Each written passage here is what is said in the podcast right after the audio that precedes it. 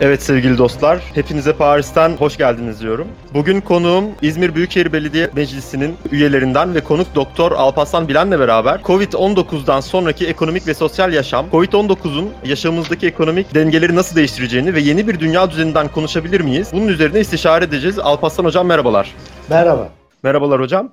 Öncelikle hocam isterseniz ilk sorumdan başlayayım. Memnuniyetle. Bugün fark ediyoruz ki Çin tekrar bir üretime geçti. Fabrikaları tekrar açtı. ABD ve Avrupa finans marketleri düşüşten düşüşe geçiyor. Resesyon habercisi mi bu? Dünya nüfusunun üçte birinin karantina olduğunu düşünürsek şu anda birçok işletme kapalı. Hatta fark ediyoruz ki devletler fonlarını artık borç olarak almaya başladı. Dünyada şu anda ekonomik anlamda bir resesyondan söz edebilir miyiz?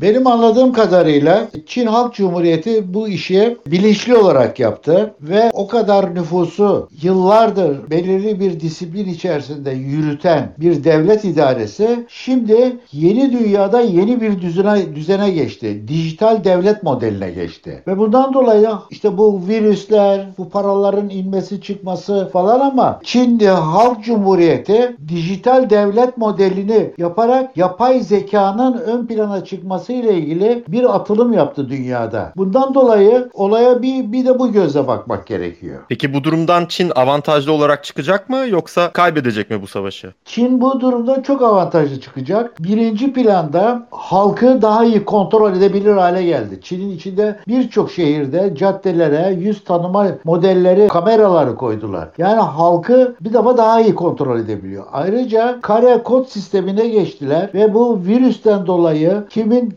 evinde kendisi mi hasta, evinde birisi mi var, mahallesinde birisi mi var? Bunları çeşitli renkteki kare kodlarla kontrol altına alabildiler. Yani bu arada o virüsün batıya sızmasıyla batı buna hazırlıklı değildi. Batı şaşırdı kaldı. Ama Çin zaten eskiden de disiplinli bir yer. Mao'nun zamanından beri o kadar adamı tek bir gücün kontrolün altında tutuyordu. Ve bilimsel çalışmalarda da benim e, Çin'de bulunduğum zamanlardan biliyorum. İleri derecede araştırma gruplar var. Küçük küçük küçük küçük sonra birleşiyor. Mesela Çin'de e, ne bileyim bir fabrikanın e, bir motoruyla ilgili bir araştırma diyorsa 80 bin tane araştırma bölümü vardır. Tıpla ilgili bir şey varsa 60 bin tane vardır. Ve bütün bu veriler toplanarak belirli bir sonuca gider ve istenilen sonuca gider. Şimdi Avrupa bu arada gaz maskesiyle aşıyla filan uğraşırken bu Çin'i kontrol altına aldı. Yapay zekayı denedi. Kare kodlarla gördü. Disipline edebildi ve bir de tabii Çin'de şöyle bir şey var. Batı'da yok bu. Evde otur deyince oturur. Çalışmayacaksın dersen çalıştırmaz ve ondan sonra ev kirası, su, elektrik bunlar mesele değildir zaten Çin için. Yani Çin'de zaten eskiden maaş da verilmezdi. Gıda maddesi verilirdi fabrikalarda çalışanlara. Şimdi böylelikle Avrupa, Batı daha doğrusu Çin'in karşısında biraz diz çökmüş gibi gözüküyor. Peki o zaman şöyle konuşabilir miyiz? Bu savaşı ABD ve Avrupa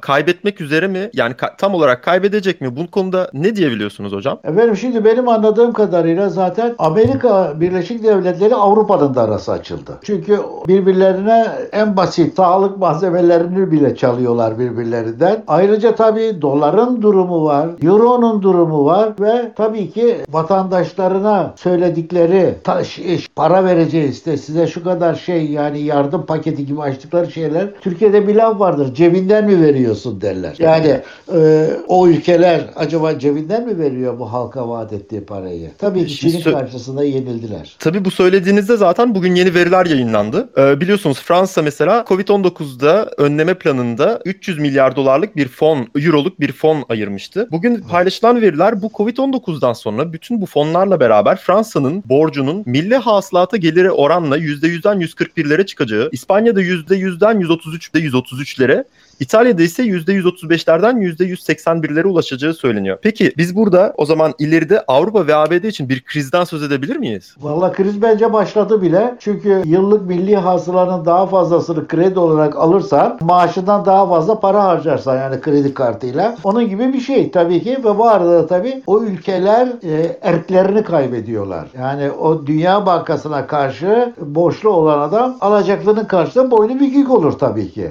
Ondan dolayı da erk kaybı da olacak. Ekonomikte bir de erk kaybı var. Memleket kendi ülkelerini istedikleri gibi yönetemeyecekler. Şu anda zaten fark ettiğimiz üzere kapitalizmin tek eli artık Avrupa'da değil. Peki biz bundan sonra nasıl bir dünya düzeni bekleyebilir? Ekonomik anlamda Çin'in liderlik ettiği bir dünyayı öngörebilir miyiz? Tabii ki şimdi bir kere zaten e, insanları nasıl kontrol edebiliriz meselesi çıktı. Ve bu arada tabii robot teknolojisi ileri derecede ön planda. Yani insan olmasa da yani bu işler yürütülebilir birçok işler gibi. Zaten bu aşırı nüfustan dolayı ben en azından bir yıldır ben bu virüsün geleceğini bekliyordum zaten. Bir, bir şey olacak. Çünkü neden? E, her yeri çekirge basıyor, buzullar eriyor, denizler yükseliyor, denizde balık kalmadı, havada kuş kalmadı, oksijen kalmadı. Bütün bunlar zaten zemin hazırladı bu işe. Yeni dünya düzeninde insana pek bir gerek kalmayacak bir sisteme geçiliyor. Zaten bu İsviçre'deki bulunan CERN'de yıllardır biliyorsun nötron proton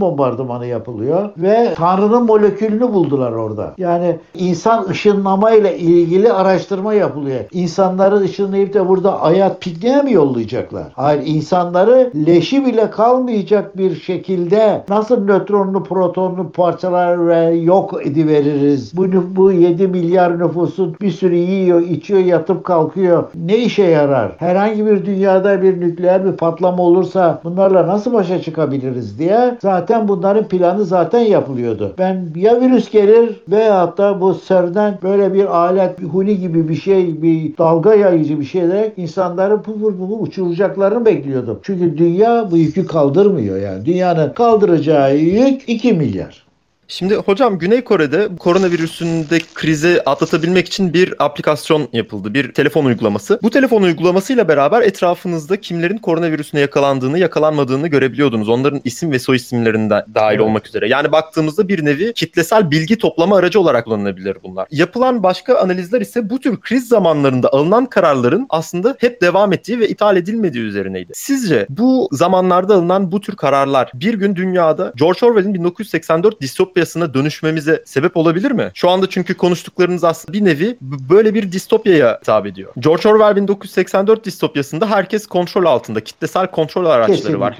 Kesinlikle efendim. Zaten biraz evvel de bahsettiğim gibi kare kodlarla artık her terörist terörist kalmaz artık bundan sonra. Hırsızlık şu bu bunlar basit işler. Çünkü adam orada da o kare, kare kodu var herkese. Kare kodu olduğu için gittiği yerde her yerde gözükecek. Önce halk sağlığı izleme şirketleri içinde bu işe karşı çıktı. Ama bu koronavirüsü çıkıp da milletin canı tehlikeye kalınca kendi kişisel bilgilerini dijital bankalara vermek zorunda kaldılar. Çin halkı önceleri vermiyordu bu büyük bir bölümü. Biz niye verelim, niye kontrol edelim falan diyorlardı. Ama can derdine düşünce herkes onu verdi. Şimdi kim nereye gidiyor, gece nereye gidiyor, nerede oturuyor, kim kimden konuşuyor daha rahat görecekler. Daha güzel yönetecekler. Çünkü bu ülkelerin ayrıca içlerinde kendilerinden pek hoşnut olmayan insan grupları da yaşıyor. Bunları habire böyle eskisi şey gibi polisle, copla yatıştırma tekniği değişiyor. Peki sosyal konumuza gelelim. Bu virüsün örf ve adetlerimizde nasıl bir etkisi olacak hocam?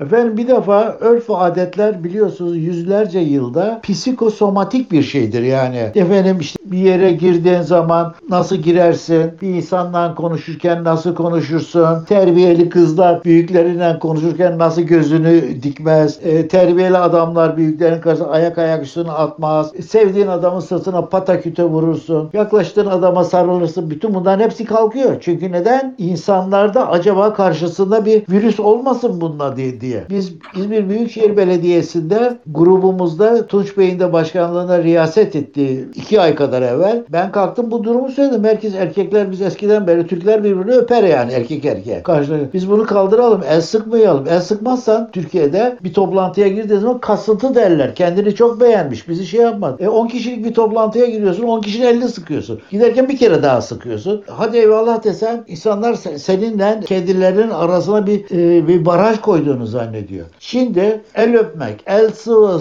sıkmak kalktığı gibi insanlar birbirinden de korkacak. Acaba bunda bir virüs var mı? Ondan sonra aşkın da şekli değişecek. Bu erkeklerdeki yaygın olan poligami artık bence kalkıyor yani. Tarihi bir dönüm noktasından geçiyoruz. Peki bu sizce insanın kendini doğal habitatından uzaklaştırması anlamına gelmiyor mu? Kesinlikle yani insan e, normalde doğal habitatın içerisinde hayvansal içgüdüleriyle yaşayan bir şeydir ve bunların yüzünden de işte sosyal davranışlar, toplumsal davranışlar olur ve kimi topluluk çabuk sinirlenir, kimisi yavaş sinirlenir, kimisi biraz daha sakindir, kimisi düğün dernek yaparken dünyayı ayağa kaldırır. Ama her şeyin altında psikosomatik şeylerimiz vardır. Hard diskimizde bunlar vardır habitata da bu uygundur. Bu nedir? Saldırganlık içgüdüsü, seksüel içgüdü, beslenme içgüdüsü. Şimdi artık istediğin gibi saldırganlık içgüdü yapamazsın. Seni takip ediyorlar. Seksüel içgüdü. Hadi bakalım uygula. Çünkü her an virüs bir virüs sana yapışabilir. Ona beslenme içgüdüsü. E, beslenme içgüdüsü derlenip toplanacak. Çünkü neden? Bu kadar adama bu dünyanın yiyecekleri yetmiyor. Yetmiyor. Ona, ona uygun olarak da işte biliyorsunuz çeşitli yeni nesil yiyecekler, bitkiler, genetiği değiştirilmiş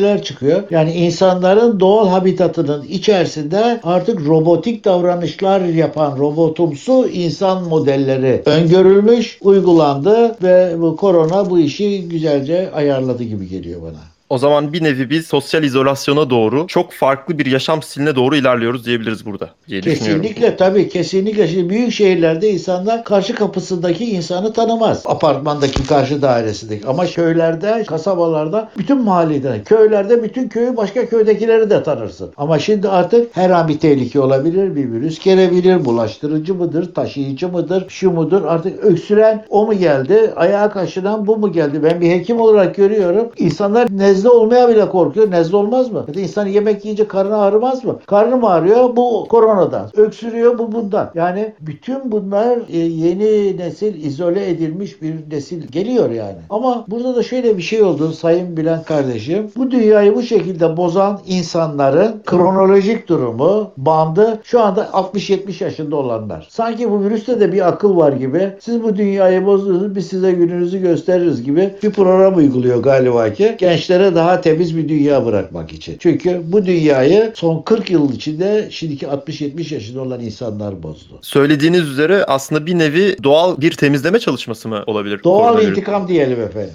Doğal intikam Doğa- çalışması. Evet doğal doğa kendisini dengeye getiriyor. Çünkü doğa dengeye gelir. Kaç milyar yaşında, iki buçuk milyar yaşında bu dünya bu kadar berbat edilmemişti şimdiye kadar yani. Sevgili Alparslan Bilen Hocam kanalımızın ilk yayınına katıldığınız için çok teşekkür ederim. Sevgili dostlar haftaya Gevezece kanalında yine sizlerle sürpriz bir konuyla Covid-19'dan sonra ekolojik denge nasıl olacak konusunu işleyeceğiz. Sağlıcakla kalın. Görüşmek dileğiyle.